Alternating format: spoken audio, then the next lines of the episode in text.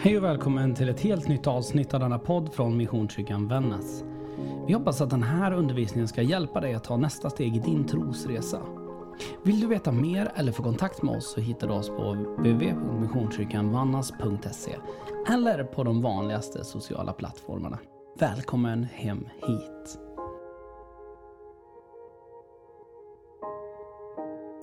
Elin, ny vecka. Eh, mera död. Eller vad säger man? Absolut. Ja. Ingen vecka är befriad från död. Nej, inte just nu känns det så. Jo, men ja, så är det ju. Mm. Men det är inte bara, eh, det är inte bara mörker. Det är inte bara mörker. Eh, inte för oss i alla fall. Nej. Vad ska vi prata om idag? Eh, idag ska vi prata om det, ljuset, hoppet. Eh, vad, vad som händer när vi dör eh, och vad vi tror på. Mm. Mm. Mm. Fint. Jag vill hoppas det, att det blir fint. Mm. Ska vi börja i den där frågan som vi var i, alltså förra veckan, Mm. vi måste ju bara säga det, gode värld vad praktiskt det blev. eh, Ja, jag kände det dippa rejält på slutet. där. Ah, gode värld, Ja. det var mycket klippande i slutet det kan jag säga. Mm. Men det, det blev också långt och shit vad du var less på mig. Jag bara, vi måste gå igenom hela begravningen. Ja. Snälla kan vi välja salmer Ja, också? precis. Alltså, I slutet där så, eh, när vi stängde av också så föreslog jag, ska vi köra ett avsnitt där vi bara pratar om bouppteckning, om dödsbot. Ja, det avsnittet får du göra med någon annan i så fall. Jag är så totalt ointresserad av Ja, sånt. nej men eh, vi får se eh, om jag kan få in någon som är sugen på att spela in det. Min pappa han håller ju på med bouppteckningar så du kanske kan ringa han. Ja, det hade varit gött alltså. Va, idag sitter jag här, inte med Elin Lager utan med Svenneberra. Ja. Mm. Du, idag Japp. så ska vi börja i änden, vad händer när vi dör rent kroppsligt? Mm. Alltså, För det skriver han ju lite om i boken. Ja men Filip gör ju det. Han tar upp det på ett rätt, eh, ja, men väldigt tydligt sätt. Alltså den här boken om, man, om du själv eh, som lyssnar på det här har boken framför dig har ju upptäckt att det är en otroligt praktisk bok. Mm. Det är inte många stenar som lämnas ovända så att säga. Och i grunden skulle man kunna säga så här, rent vetenskapligt så kan man egentligen se kroppen som en maskin Mm. där funktioner börjar stängas av. Och att någonstans där döden på något vis är en Alltså döden kommer aldrig på utav en sak. Utan döden är en kedja Mm. av saker som sker. Alltså att någonstans se eh, att även eh, liksom när man, eh, eh, jag refererar ju väldigt lätt till en bil liksom. Mm. Att någonstans se så här, ja den här motorn har skurit ihop helt, ja men det börjar alltid med någon annan sak. Den nyper inte bara till och så är det tvärstopp utan liksom, det börjar alltid med att ja men oljepumpen går sönder eller det går sönder eller det går sönder vilket i det långa loppet leder till det här. Mm. Eller långa loppet, det är ju loppet av någon sekund då. Men liksom, samma sak är det med, med kroppen. Mm. Att det ena stänger ner efter det andra, efter det andra. Och till slut så är det bara över. Mm. Så vad händer när vi dör då? Rent kroppsligt. Vad är det sista som stänger av? Vet du det? Sista som stänger av, av i vår kropp. nej. Nej, jag ska inte skratta. Nej, det- jag tänkte på nu, det är ju de pratar ju om att, att hörseln finns kvar så länge. Mm. Men jag tror inte att det är det sista som stänger av. Nej. Nej. Nej men det sista som stänger av är ju hjärnan. Mm. Alltså det är ju det, och det är det vi betecknar som död. Mm. Liksom, då är det ju det, när, för att då har vi ingen sambandskoppling. Visst det kan ju finnas liksom lite, eh, ja men en del till exempel det här att man kan ha ryckningar efter döden. Till exempel i muskler och så vidare. Eh, det har man ju historiskt sett sett som att personen är inte riktigt död än. Mm. Medan i läkekonsten idag så vet vi att det kan ske ändå. Eller det här att vi vet att det inträffar hos alla biologiska organismer in, inne med, så eh, inträffar till slut en likstelhet. Och Mm. där har ju också historiskt sett har man ju sett det som att det är det sista som händer i människan innan den dör, att den blir stel. Mm. Men det är inte, inte någonting som vi idag talar om som en kroppsfunktion. Utan det är snarare konsekvenser av nedstängandet. Okej, ja. Mm. Men sen så är det ju så att det är väldigt mycket som eh, när kroppen stängs ner så förändras vi också. Alltså det är till exempel inte ovanligt att det, liksom, det börjar uppkomma fläckar och sådär på, på huden och Mm. en sak som jag tycker är rätt så vanlig framförallt på människor som har blivit gamla Mm. och dör i en äldre ålder. Jag tycker att många av dem blir väldigt gu- gula i hyn Mm. och det är ju, det är ju på grund av att levern stänger ner. det kan vi också se på eh, med vissa cancersjukdomar till exempel. Att Till exempel. Hyn får liksom en annan färg och då Mm. har man sett det tidigare då kan man ju se att nu är det inte så lång tid Nej, kvar. Precis. Mm. precis. Och det är ju ett så här tydligt exempel på att men det här är den där inom situationstecken de maskinen som håller på att stänga ner. Mm. Här funkar inte vissa saker längre. När man väl har dött då, rent kroppsligt, då har vi egentligen berättat vad som händer därefteråt. Har du missat det så är det förra avsnittet. Ja men alltså vad sker? Ja, kring begravning och Ja, sånt men där. Ja, just det. man Ja, hamnar jo, på ett bårhus och så vidare. Ja, nej, det behöver vi inte ta idag. Nej. Nej. Så jag tänker egentligen att där är egentligen förklaringen liksom. Sen så kan man säga kring döden då Mm. så finns det ju ett par aspekter som är dock intressanta. Och det är ju de här nära döden upplevelser. Mm. Eh, Det är aspekter kring att precis vad man kan uppleva. Mm. Och där finns det ju rätt mycket forskning idag på som liksom, ja, men det, och där kan vi ha olika grader utav dödsångest också inför. Mm. Ehm, men vad, vad vet man idag liksom? Är det smärta och ångest att dö eller vad är det som händer? Men vi har ju läst en annan bok tidigare i, i höst. Mm. Eh, kommer du ihåg vad han hette? Jakob någonting. Ja, vad hette han? Ja, namnet som vi söker desperat här är Jakob Ratz Endler och han har skrivit boken Hantera döden. Han var ju läkare. Eh, vad heter det? Sån här eh, nedsövningsläkare. Ja, anestesiläkare, Ja, alltså narkosläkare. Precis. Eh, och han beskrev ju att, att det inte var någonting att vara rädd för. Mm. För att eh, kroppen, jag menar alltså att när man, när man dör, somnar in, även om det är sjukdom, så har man oftast så pass mycket, mycket smärtstillande i kroppen att man inte känner av det. Eller att det blir liksom inget fys man känner inte fysiskt av när vissa delar i kroppen stängs av. För att, jag vet inte, det är, vi är väl skapade så bara. Att, att vi inte ska behöva, behöva känna eh, hur kroppen tacklar av. Liksom. Nej men och det är ju, och där är ju som sagt, det här är ytterligare ett exempel på det här att det är en nedstängning liksom. Ehm, så- Mm. Jo, men det är, inte, det är inte så tydligt som när man stänger Nej. av en lampa att det blir mörkt. Utan Nej. det är något som händer successivt. Och Mm. det är kanske mer att man, man glider in och ur, ur en sömn. Och sen Mm. helt plötsligt så, så är man borta.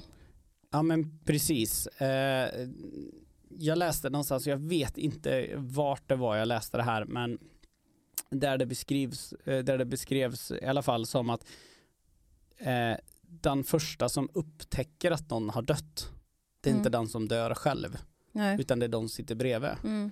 Alltså att de ser, nu dog personen i fråga.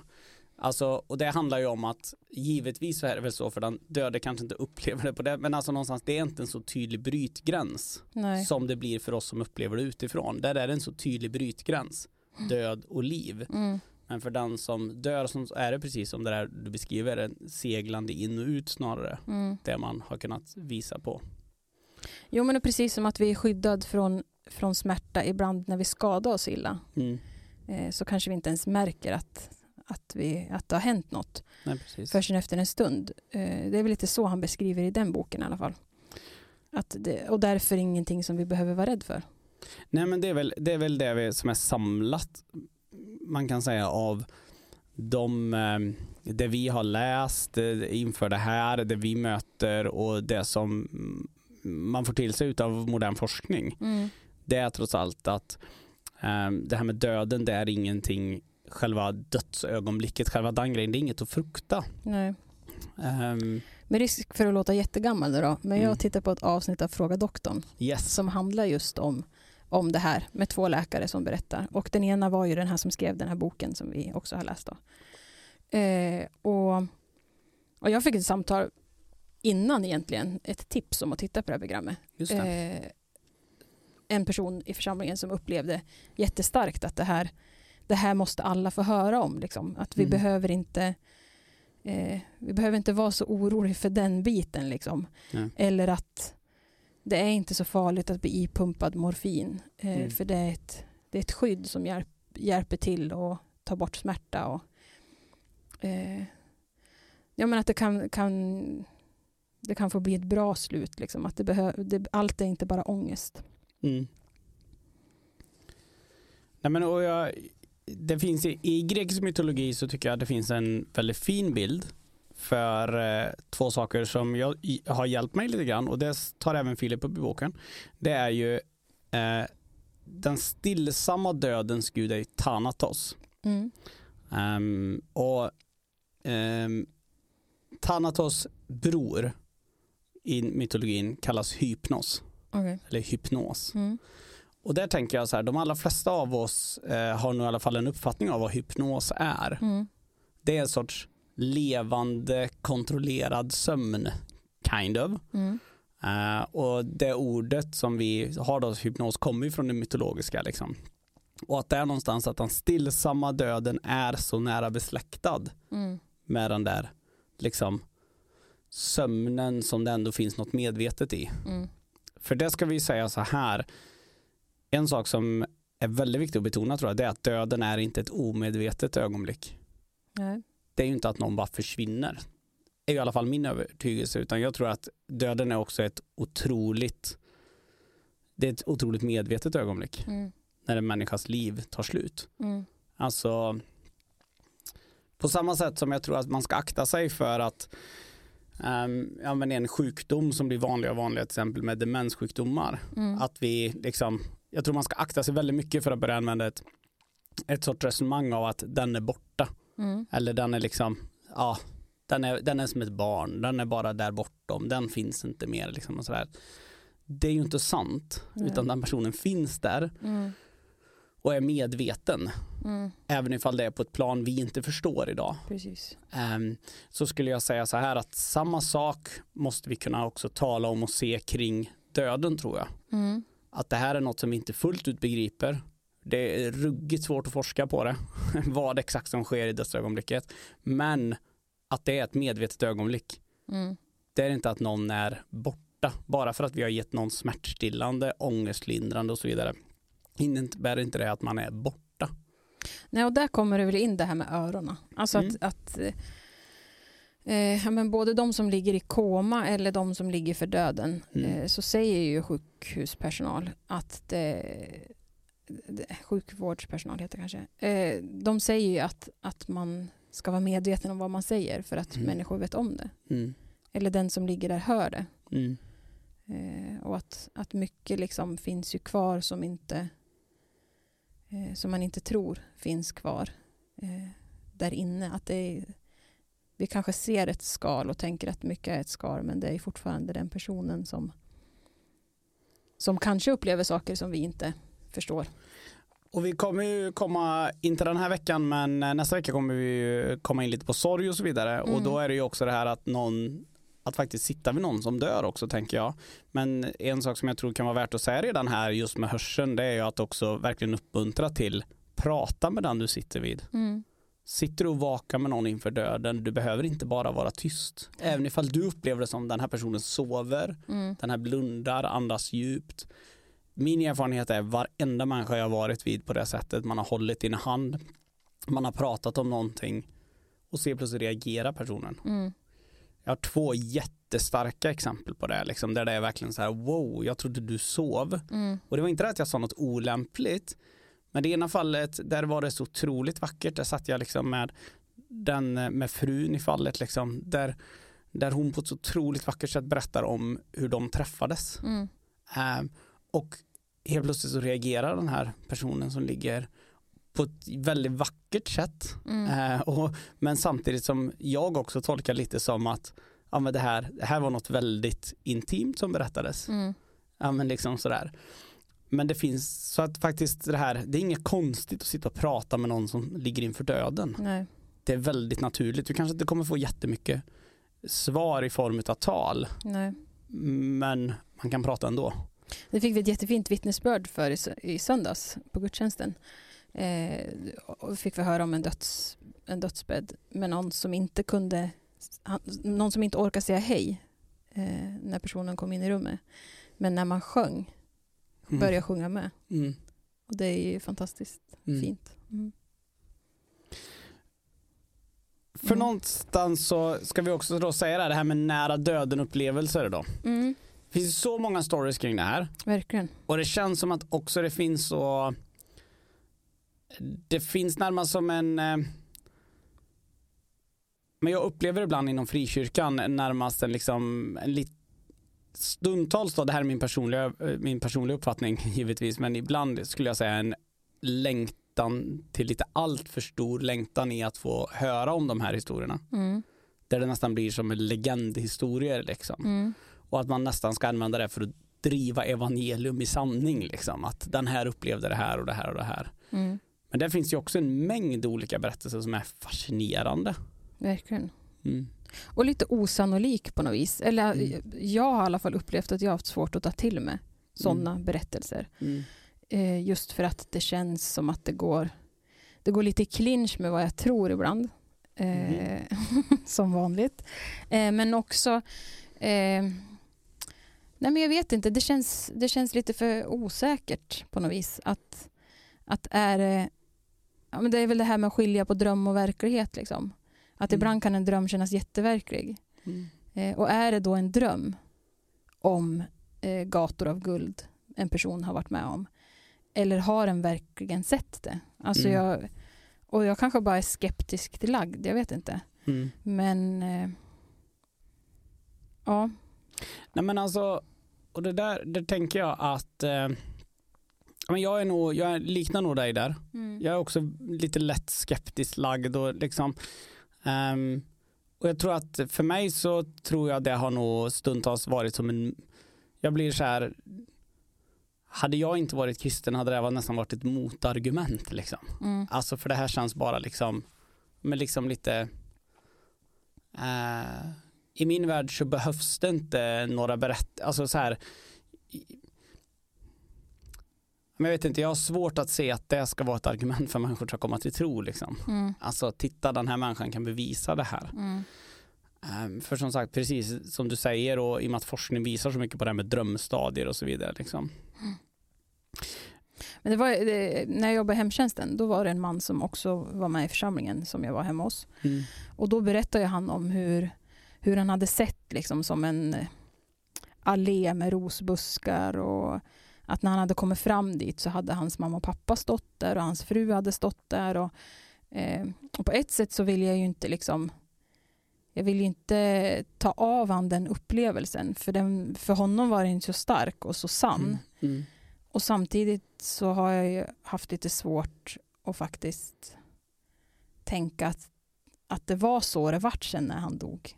Gick han längs den där, ros, där rosbuskarna och fi- fick möta de här? Ja, det, det vet jag ju inte. Men, men det, det sätter ju kanske mer fingret på vad som var hans hopp än, än vad, som, vad som faktiskt är, kanske.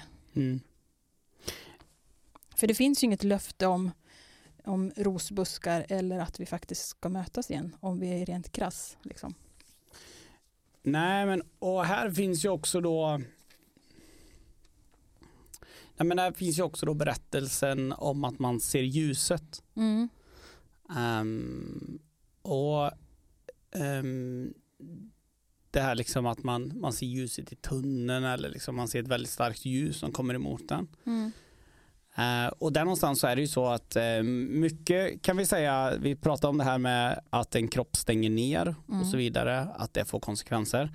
Eh, och en av de sakerna är ju som börjar stänga ner det är ju att syresättningen funkar allt sämre i kroppen. Mm. Och en sak som man brukar tala om med de här drömstadier då, och det här tar Filip upp i boken också, det är att de här drömstadierna som det då skulle kunna vara, Mm. vi säger ju inte att det är så givetvis, men som det skulle kunna vara, skulle kunna vara rätt så tydligt präglade hallucinationer av att det börjar uppstå syrebrist i hjärnan. Mm. Eh, Men också så kan ju forskare rätt tydligt peka på vad är det som gör att vi ser ett ljus. Mm. Och det är ju då en syrebrist som gör att det blir syrebrist i ögonen vilket gör att pupillerna vidgas så, star- så mycket och så blir det så ljust. Mm. Och någonstans när jag säger det så känner jag mig på en gång som att ja, men nu sitter säkert någon och lyssnar på det här och tänker liksom så här det är just en snygg pastor till att slå sönder allting. Mm. Och samtidigt som jag tänker, jag kan inte riktigt heller blunda för att det här är saker som absolut skulle kunna ge ett, vara ett samband. Mm. Ehm, Men sen finns det ju de här beskrivningarna eh, som blir oförklarliga, som vi inte kan, alltså människor som har nästan dött på operationsbordet och som kan, eh, kan säga att de seglade ut och berätta om saker som de inte kan ha sett för de var så illa däran. yes. Eh, och där, ja, men vi tror ju på en andlig verklighet och vi tror på det övernaturliga. 100 procent. Eh, så att det är klart att, att bara för att du och jag inte upplevt saker så behöver det inte, inte ha hänt eller inte vara sant. Mm. Eh, så om, om det är någon som lyssnar som har egna berättelser eller egna erfarenheter eller en tro som verkligen baseras på, eh, på det här så håll fast vid den då. Eller alltså, För jag tänker ibland att vi pratar om saker, om upplevelser och så vidare som till slut bygger vi teologi av. mm, Eh, och det tycker jag är, det kan jag tänka är oroväckande mm, om vi börjar göra det. mm, Eh, börjar vi liksom eh, och det här kan man tänka så här, men hur stor sannolikhet är det? Ja, men alltså, vi, pra- vi pratade om en sak innan här mm, och det precis. är en eh, församlingsmedlem hade ställt frågan till dig, liksom, vart någonstans i Bibeln står det att vi ska ses igen? Mm. Och jag kan inte hitta något ställe. Och inte du heller eller? Nej men sanningen s- att säga är det finns inte supermycket stöd för det alltså. Nej. Ehm, Det verkar enligt Bibeln att vi ska känna igen varandra. Mm. Det finns ett tecken på. Men Bibeln talar ju många gånger då snarare om, en, om att himlen inte är en plats där vi ska leva som på jorden. Ehm, Ja, och det löftet vi får är att vi ska få leva med Jesus. Och det betyder inte automatiskt att, att du och jag kommer vara kompisar då. Nej, och sen ska jag väl säga så här. Kommer jag fort sluta säga att vi ska ses igen? Nej, Nej, inte jag heller. ehm, det kommer jag inte göra för det är min, det är min tro. Mm. Jag tror det. Vad baserar jag det på? Ja, också ett hopp. Mm. Men det är inte baserat det är inte baserat på att Bibeln lovar det. Nej, Liksom. nej. Sen så kan man absolut läsa ut sådana tendenser. Liksom, och att ja, men liksom det här vi har blivit lovad evigheten och så vidare. Och då kan man ju tänka, då borde vi komma samman. Absolut, Mm. så är det. Men ehm, och det där är ju en grej, jag, alltså, jag säger det på varje enda begravning. Eh, jag, jag har fått frågan någon gång, liksom, när jag, jag böjer mig alltid ner eh, på begravningar Mm. när man går och tar farväl. Liksom. Mm. Jag, går, jag går alltid ner på ett knä, Mm. typ som att jag viskar. Eh, och så klappar jag alltid två gånger på kistan. Mm. Och det är, vi ses kompis, Mm. är det jag alltid säger. Oavsett vem det är. Mm. Det är vi ses kompis. Ehm, och det där, jag tror det. Mm. Nej men för frågan blir ju då, är det liksom några sånger som vi sjunger Mm. som liksom pekar på ett hopp som skapar vår teologi. Precis. Det som vi bygger våra läror kring. Liksom typ så här, ja men salt liksom, jag har en tro så ger mig lust och styrka att vi ska ses igen. Mm. Att någonstans, är det det som vi baserar det kring? Mm. Eller är det faktiskt vad, vad Gud själv har lovat oss? Precis. Eller, ja. Ja. Men du, vad tänker du händer efter döden?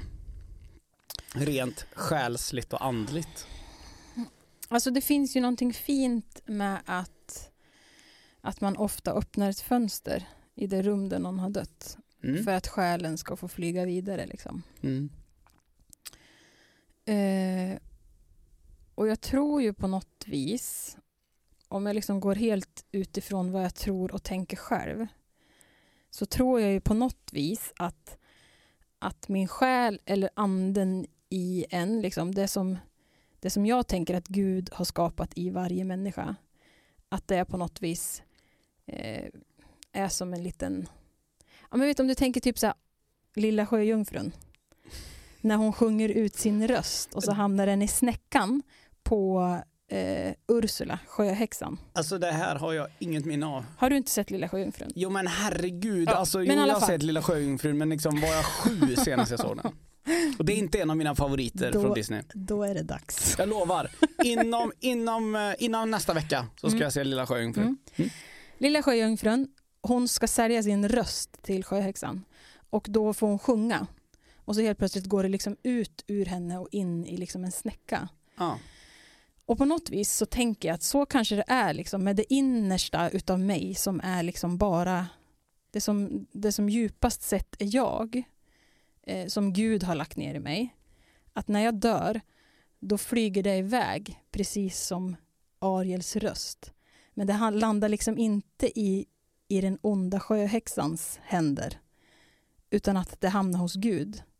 För det är Gud som har gett mig det från början, att han liksom får tillbaka och så får jag vara hos han.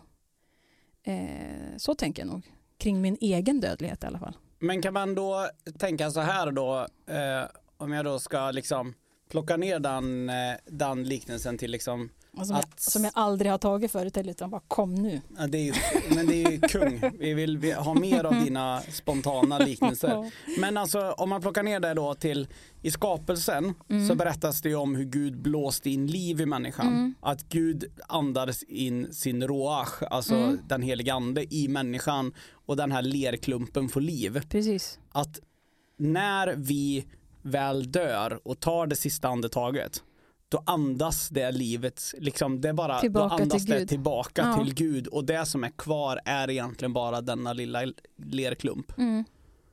Jo, men lite så tänker jag nog. Och sen hur bibliskt det är, det vet jag inte. Nu fick ju du en koppling till den då, men Du Elin, eh, du predikade ju för någon vecka sedan om läran om döden. mm. Och då tänker jag på en sak som är nog en av de vanligaste frågorna som jag möter när man talar om död. Mhm. Som jag tyckte du behandlar på ett intressant sätt. Och det är frågan, vad händer med de som inte tror? Eh, Du sa då i din predikan att liksom, Bibeln är ju egentligen väldigt tydlig Ja. med vad som kommer hända med de som inte tror. Jesus Mm. liksom använder ju till och med termen att liksom, vi ska ordnas upp som jätter och får liksom. Mm. Och jätterna ska föras iväg, a.k.a. de som inte tror. Mm. Så vidare. Det finns eh, texter där Jesus närmast säger att eh, ja, men de som är otrogna de är liksom, kan lika gärna nu slängas på Gehenna. Vi har liksom funnits lärare om en dubbel utgång, om helvete, om eviga straff och så vidare. Mm. Den som tror på sonen i evigt liv, den som inte lyder sonen ska inte se livet utan Guds vrede blir kvar över honom. Precis. Mm. Men så säger du så här. Bibeln är tydlig, Mm. Men jag hoppas ändå att Guds nåd sträcker sig bortom döden. Nej, men jag tycker Ja. det var, alltså någonstans, jag älskar det du säger, jag tycker det är fantastiskt, men kan inte du beskriva lite mer, liksom? kan du lägga ut lite mer, vad tänker du? Eh, nej men jag tänker att Guds nåd är större än så. Eller alltså att om jag, nu tänk, om jag nu har den här bilden som jag har av att alla människor är skapade av Gud. De finns för att Gud vill deras liv. Eh, att ja, men det här med att, eh, så, som jag sa kring Ariel, eh, grejen, Mm, att, mm. att man har någonting i sig som Gud har lagt ner. Att Gud har lagt ner något i varje människa. Eh, även om jag är ett himla pucko på jorden och inte förstår att ta emot det, eh, så när livet är slut sen, eh, har Gud bara gett upp på mig då, då? Och det tror jag inte riktigt. Jag tror att Gud, eftersom Gud gång på gång på gång i det jordiska livet försöker söka människan Mm. på olika sätt, Mm. så tänker jag också att han, han tar nog sin, sin sista chans. Liksom. Eh, och då hoppas jag att när man väl står där liksom, ansikte mot ansikte med Jesus, att då kommer man inte kunna säga nej. Hur benhårt fast man än har varit tidigare. Och det kanske låter taskigt som att folk inte ska kunna få välja själv. För det tror jag väl absolut, att vill man inte ha det då, ja, men då är man, man är fortfarande fri att säga nej. Men mitt hopp är i alla fall att, att eh, Jesus ger liksom inte upp bara för att vi, vi har sagt nej i det här livet, utan vi får också en chans till. Typ. Intressant. Att så stor är Guds nåd, Mm. hoppas jag. Mm. Men det är ju för att jag har så många runt omkring mig som är så envis och vägrar förstå vem han är. mm. Ja men någonstans så var det ju eh, en eh, det var en pastor som sa till mig en gång att när jag satt och argumenterade för, jag var ung och väldigt radikal och tydlig liksom så här, hur jag tänkte och att ja men Jesus är jättetydlig, det är dubbel utgång och så vidare. Mm. Ehm, och då sa han så här att eh, så bara vände han sig mot mig och sa han så här du har inte, eller han bara, du har inte brottats supermycket med att du har människor omkring dig som du älskar som inte följer Jesus va? Mm. Och jag var ju, käftade ju tillbaka liksom, dum och ung och dum liksom. Så jag bara, jag känner jättemånga som inte är kristna. Det, det, är, liksom, det är bara för dem att vända om. Liksom. Han bara, ja men du har ju uppenbarligen inte haft en verklig nöd. Nej. Han sa att det är en form av vad jag kan lova människor. Mm. Jag lovar inte en enda människa att alla kommer komma till himlen. Nej, det kan man ju inte göra. Men jag kan ha en tro, sa han. Mm. Ehm, och det där, den tänker jag är en, eh, den är en så stor skillnad på de två sakerna. Vad man kan lova Mm. och vad Bibeln säger och vad man Mm. hoppas på. Mm. På samma sätt som vi talade om det här med att vi ska ses igen och så Mm. vidare. Eh, det kan vi jättegärna hoppas på, det är inga problem. Och det är rimligt att hoppas på det. Mm. På samma sätt som det är rimligt att hoppas på att, att Gud inte ger upp på människan. Mm. Mm. Men det där är ju en sån här fråga som man många gånger möts i eh, och man hamnar i. Och jag skulle också vilja bara ta någon minut här också att bara ta i frågan om, om det här med liksom de eviga straffen också. Mm. Liksom himmel eller helvete. Och där så är det en fråga som jag har ägnat rätt mycket tid åt genom mitt liv och brottats med. Eh, och där jag eh, kommer fram till att jag kan ehm, jag tycker inte Bibeln har fog för, eh, liksom, vi har inte fog att ur Bibeln skapa en helveteslära Nej. där Gud vill plåga människor i vinnerlig tid.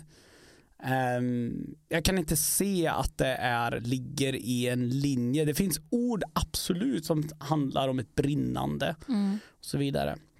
Men jag kan inte se att de här livslånga straff, eller liksom de evighetslånga straffen skulle vara där.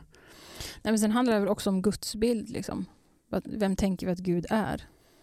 Är Mm. han en straffande Gud som, som vill plåga människor i en evighet? Eller är han en älskande Gud? Nej men och där är ju så, jag är ju en mesig Waldenströmmare liksom. Mm. Som är så pass mesig så jag tror stenhårt på att Gud, att ty så älskade Gud, Gud så att jag tror att ty så älskade Gud världen Mm. Att han gav den sin enda son. Ehm, inte att så rättvis var Gud. Nej. Att han på grund utav sitt rättvisepatos var tvungen att sända sin son för att dö för att blidka sig själv. Mm. Jag köper, precis. inte, jag Nej. köper inte den typen av gudsbild. Liksom. Jag får inte ihop det. Nej. Um, men alltså, vad händer med när man dör? Jag tror att ehm, det jag är trygg med det är att jag kommer vara med Gud. Mm. Ehm, jag har brottat lite med den här tanken fram och tillbaka. Att för vi där vi ska vara helt ärliga, där teologin är ju lite olika fram och tillbaka. Kommer vi vara med Jesus på en gång? Mm. Eller kommer det vara som Paulus säger, att vi ska uppstå på den yttersta dagen? Mm. Eh, att vi läggs till vila. Det stod ju i våran gamla, jag var tvungen att kolla lite i handböcker. Och i vår nya ordning där finns det ju dubbla ordningar. Att den en, det ena är att man har gått hem till Gud. Mm. Och det andra är att vi säger att man har lagts i gravens vila I väntan på att på den yttersta på dagen. den nya jorden, nya. Och där någonstans så blir det för mig, jag tycker, jag ska vara helt ärlig, jag tycker att det är en rätt sekundär fråga för mig. Mm. Jag, om jag läggs i jordens mull i väntan på den yttersta dagen, det som är det primärt viktiga för mig det är att jag får vara med Gud, tänker jag. Det är det jag är tacksam för. Ja, och tror du inte att allt det där andra kommer vara sekundärt just då också? Ja men det är klart det är. Alltså någonstans så är det um, och det som jag tror är viktigt att komma ihåg det är att oavsett om jag går hem till Gud på en gång och att jag samma dag kommer få återträffa alla liksom och så vidare. Mm. Eller om jag läggs i jorden för vila så tro, för i väntan på den yttersta dagen så tror jag att jag kommer uppleva det som ett ögonblick. Mm. Oavsett. Ja. Det är inte som att jag tror att människan glider runt och upplever att oj oj oj, här var det långtråkigt och liksom ligga liksom och vänta. Nej. Det, det tror jag ju inte. Det, det känns liksom Nej, det tror jag i så fall. Om det är en vila då är det väl som en sömn är. Mm. Eh, du säger ju ligga i jordens mull. Mm. Eh, där finns det ju lite olika bilder av att, eh, att när vi ska resa oss ur gravarna, liksom, att vi behöver faktiskt vara eh, ja, men kring kremation till exempel, att vi, vi kan inte bränna oss då för att då finns det ingen kropp som kan återuppstå. Mm. Vad tänker du kring det? Du, eh, numera så tänker jag inte riktigt lika mycket som jag gjorde förr. Eh, hade du frågat mig för tio år sedan så hade det varit totalt uteslutet att jag skulle acceptera en kremation. Mm. Ehm, jag är väldigt tveksam Mm. hur jag tänker. Ehm, jag är ju inte så här att jag tänker att ah, kremation, shit vad nice. Eh, utan jag är nog Nej, men jag vet inte, jag, som jag berättade förra gången så är jag ju, jag är ju inte konservativ på många punkter men jag är nog rätt konservativ när det kommer till begravning. Mm. Eh, och eh, i grunden så tycker jag nog att det finns någonting det finns någonting väldigt fint i att eh, jag tycker det är så otroligt fint att få sluta på kyrkogården till exempel i en begravning. Mm. Där man hissar ner kistan. Mm. Det finns något otroligt vackert i det. Mm. Ehm, ehm, som jag uppskattar. Ehm, men om man tar för den andliga aspekten med det Mm. så tänker jag att jag tror inte att Gud är beroende av vår mänskliga kropp för att vi ska kunna återuppstå. Nej. Det tror jag inte. Nej. Hur tänker du? Eh, jag har nog aldrig tänkt att det, att det ska vara, liksom, finnas något som är mer rätt eller fel. Utan mer att liksom, ja, det blir väl som det blir. Eh, Mm. Men vi, vi pratade lite om det i somras, för då, då höll vi på att gräva en, en elkabel till min stuga och så mitt kusinbarn som är elektriker var där och pekade hur jag skulle göra när jag stod och grävde. Eh, och då pratade vi lite grann om, om att bli nedgrävd eller inte. Liksom. Eh, och han har vad jag vet ingen tro på det sättet. Eh, men han hade en ganska stark övertygelse i hur han ville ha det när han var död. Mm, okej.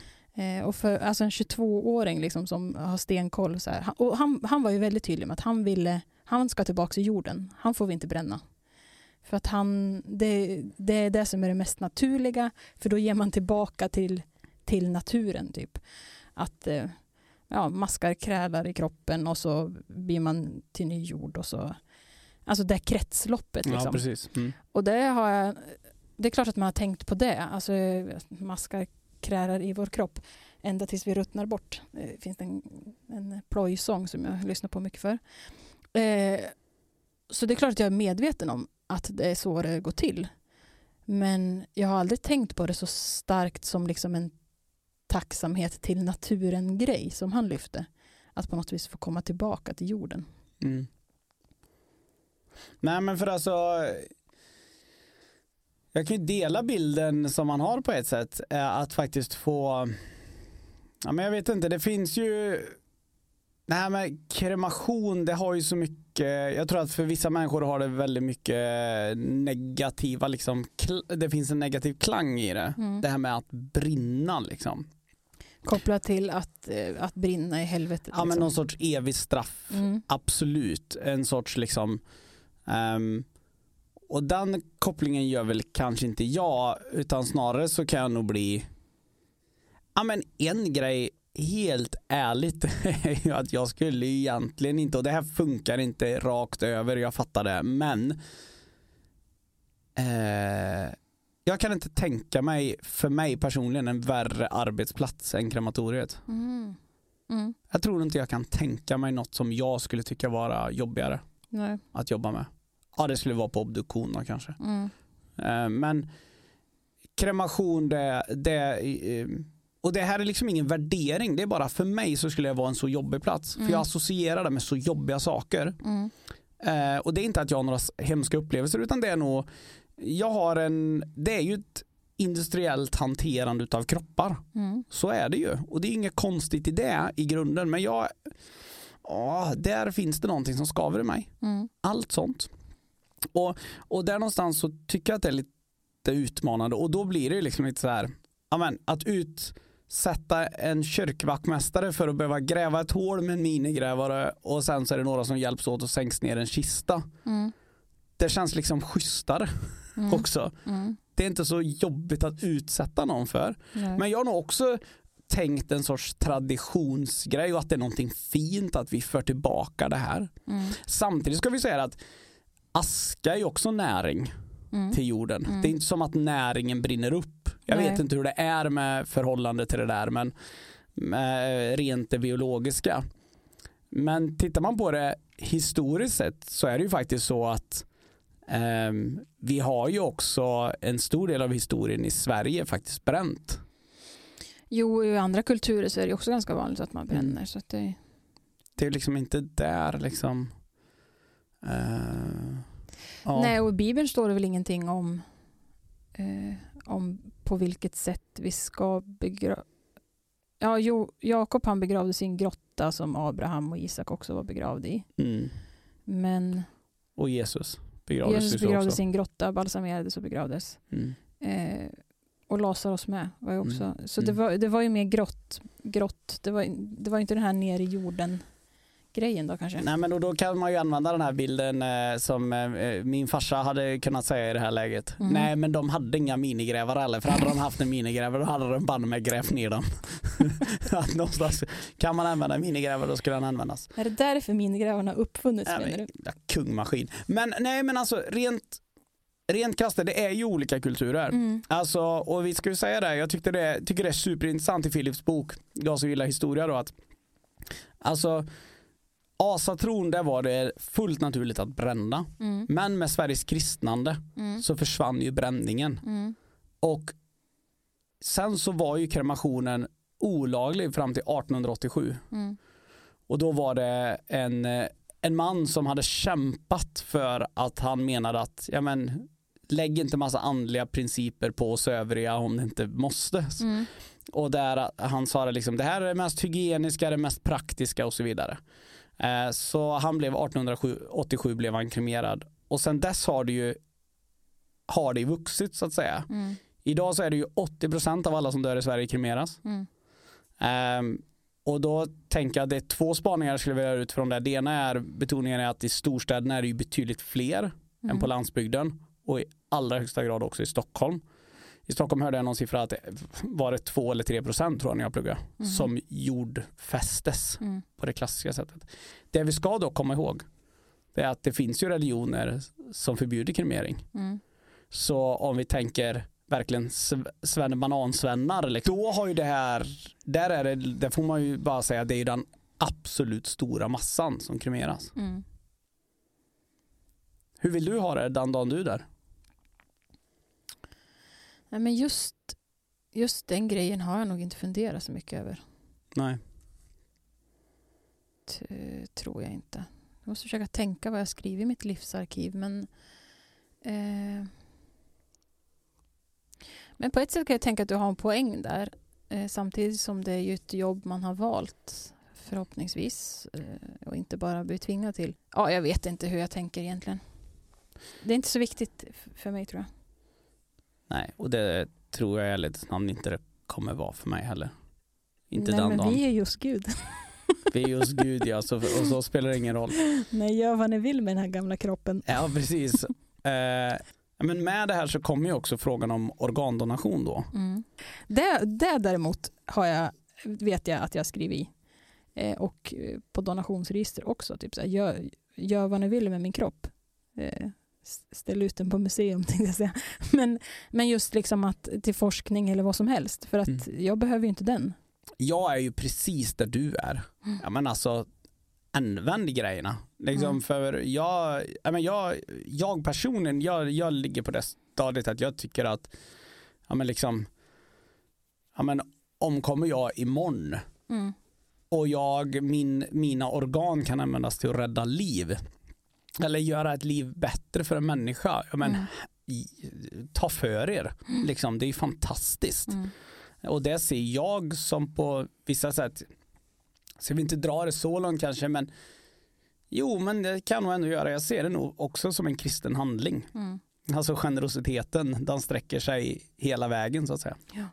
I din och min värld, så som du och jag ser på det, Mm. så som vi läser vår bibel, så som vi förstår så det är väldigt lite som handlar om din kropp kring döden som har någonting med uppståndelsen att göra.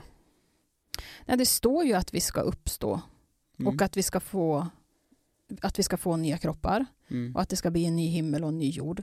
Eh, men, men det där löser Gud, tänker jag. Alltså det, är, inget, det, är inget, det är inget som jag liksom kan vara med och, och jobba för i förväg.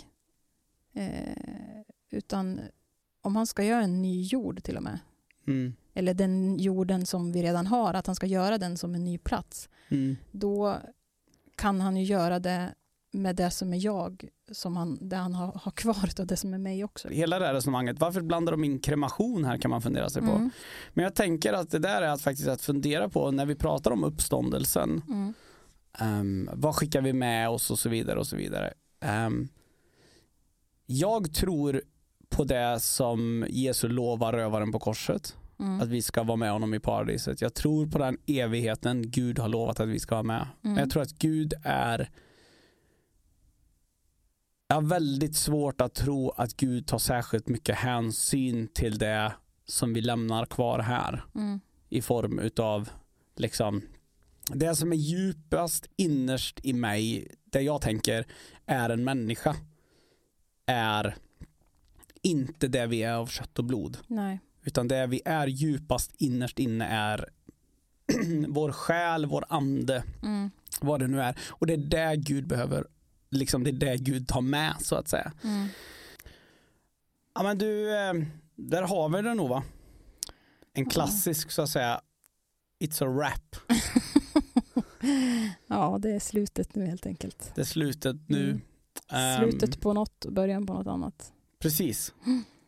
Ett slut man inte behöver vara rädd för Nej. och någonting inte. som man kan eh, se fram emot. Mm, Mm. absolut. Tack för idag hördu. Tack själv. Hej, det här är pastor Johan och jag hoppas att den här podden har fått betyda någonting för dig.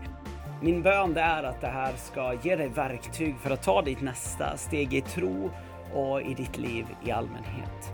Spana gärna in vår hemsida, där finns det fler poddar, en mängd andra resurser. Gud välsigne din vecka.